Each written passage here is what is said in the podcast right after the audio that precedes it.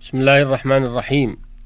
الحمد لله وحده والصلاة والسلام على نبينا محمد وعلى آله وصحبه وبعد أيها المستمعون الكرام السلام عليكم ورحمة الله وبركاته. نتحدث إليكم في هذه الحلقة عن الشرك في المحبة وخطره على العبد لأن المحبة هي أصل دين الإسلام الذي تدور عليه رحاه. فبكمال محبة الله يكمل دين, دين الإسلام وبنقصها ينقص توحيد الإنسان. والمراد بالمحبة هنا محبة العبودية المستلزمة للذل والخضوع وكمال الطاعة وإيثار المحبوب على غيره. فهذه المحبة خالصة لله لا يجوز أن يشرك معه فيها أحد. فالمحبة قسمان محبة مختصة وهي محبة العبودية التي تستلزم كمال الذل والطاعة للمحبوب وهذه خاصة بالله سبحانه.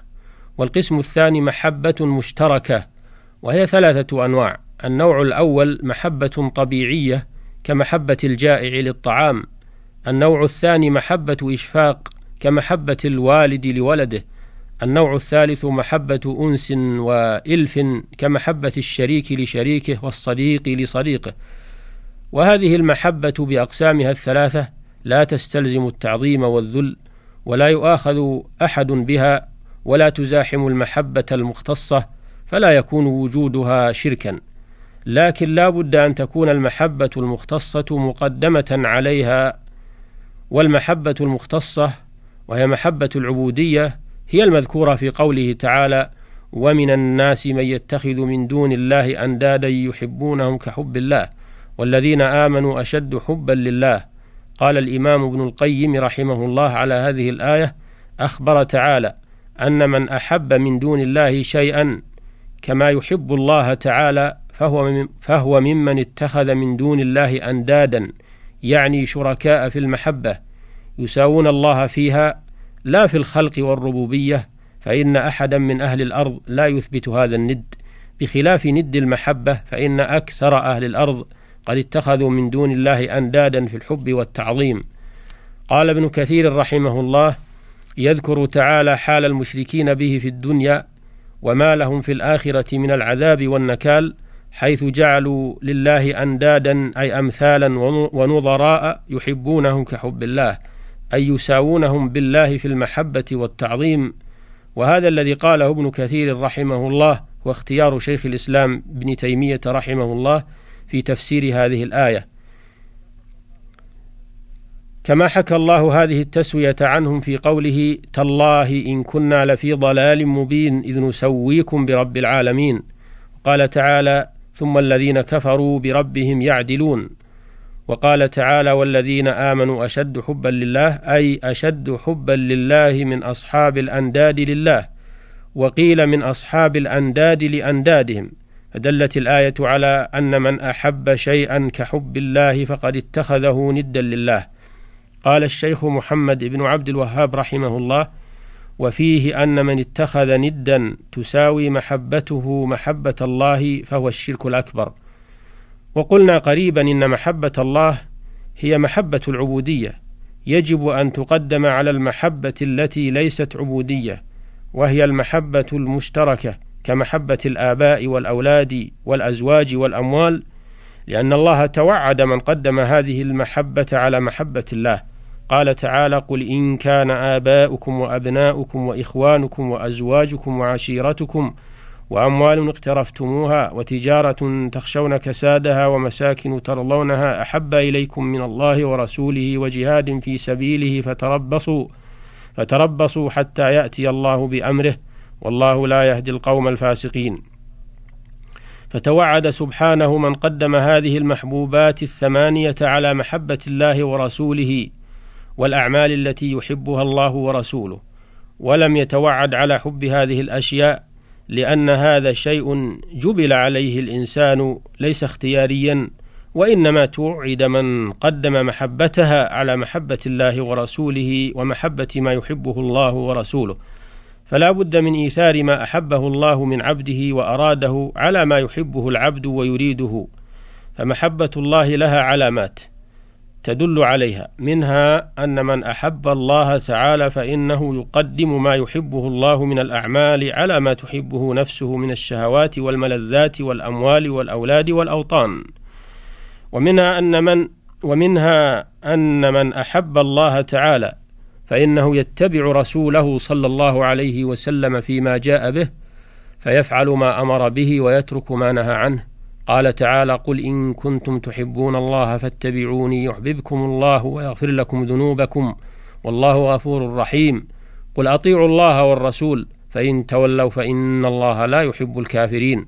قال بعض السلف ادعى قوم محبة الله فأنزل الله تعالى آية المحبة قل إن كنتم تحبون الله فاتبعوني يحببكم الله. ففي هذه الآية بيان دليل محبة الله وثمرتها وفائدتها. أما دليلها وعلامتها فهو اتباع الرسول صلى الله عليه وسلم. وأما فائدتها وثمرتها فهو نيل محبة الله للعبد ومغفرته لذنوبه. ومن علامات صدق محبة العبد لله ما ذكره الله تعالى بقوله يا أيها الذين آمنوا من يرتد منكم عن دينه فسوف يأتي الله بقوم يحبهم ويحبونه. أذلة على المؤمنين أعزة على الكافرين. يجاهدون في سبيل الله ولا يخافون لومة لائم. فذكر في هذه الآية الكريمة المحبة لله أن المحبة لله لها أربع علامات. العلامة الأولى أن المحبين لله يكونون أذلة على المؤمنين بمعنى أنهم يشفقون عليهم ويرحمونهم ويعطفون عليهم. قال عطاء رحمه الله يكونون للمؤمنين كالوالد لولده. العلامة الثانية أنهم يكونون أعزة على الكافرين أي يظهرون لهم الغلظة والشدة والترفع عليهم ولا يظهرون لهم الخضوع والضعف. العلامة الثالثة أنهم يجاهدون في سبيل الله بالنفس واليد والمال واللسان لإعزاز دين الله وقمع أعدائه بكل وسيلة. العلامة الرابعة أنهم لا تأخذهم في الله لومة لائم فلا يؤثر فيهم ازدراء الناس لهم ولومهم إياهم على ما يبذلون من أنفسهم وأموالهم لنصرة الحق. وذلك لقناعتهم بصحة ما هم عليه وقوة إيمانهم ويقينهم. فكل محب فكل محب يؤثر فيه اللوم فيضعفه عن مناصرة حبيبه فليس بمحب على الحقيقة. والأسباب الجالبة لمحبة الله تعالى عشرة أشياء. أحدها قراءة القرآن بالتدبر والتفهم لمعانيه وما أريد به. الثاني التقرب إلى الله تعالى بالنوافل بعد الفرائض. الثالث دوام ذكر الله على كل حال باللسان والقلب والعمل.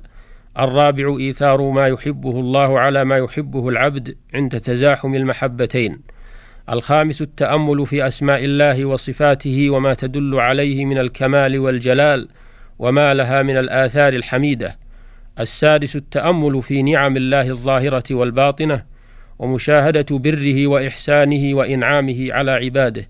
السابع انكسار القلب بين يدي الله وافتقاره إليه الثامن الخلوة بالله وقت النزول الإلهي حين يبقى ثلث الليل الآخر وتلاوة القرآن في هذا الوقت وختم ذلك بالاستغفار والتوبة. التاسع مجالسة أهل الخير والصلاح المحبين لله عز وجل والاستفادة من كلامهم. العاشر الابتعاد عن كل سبب يحول بين القلب وبين الله من الشواغل.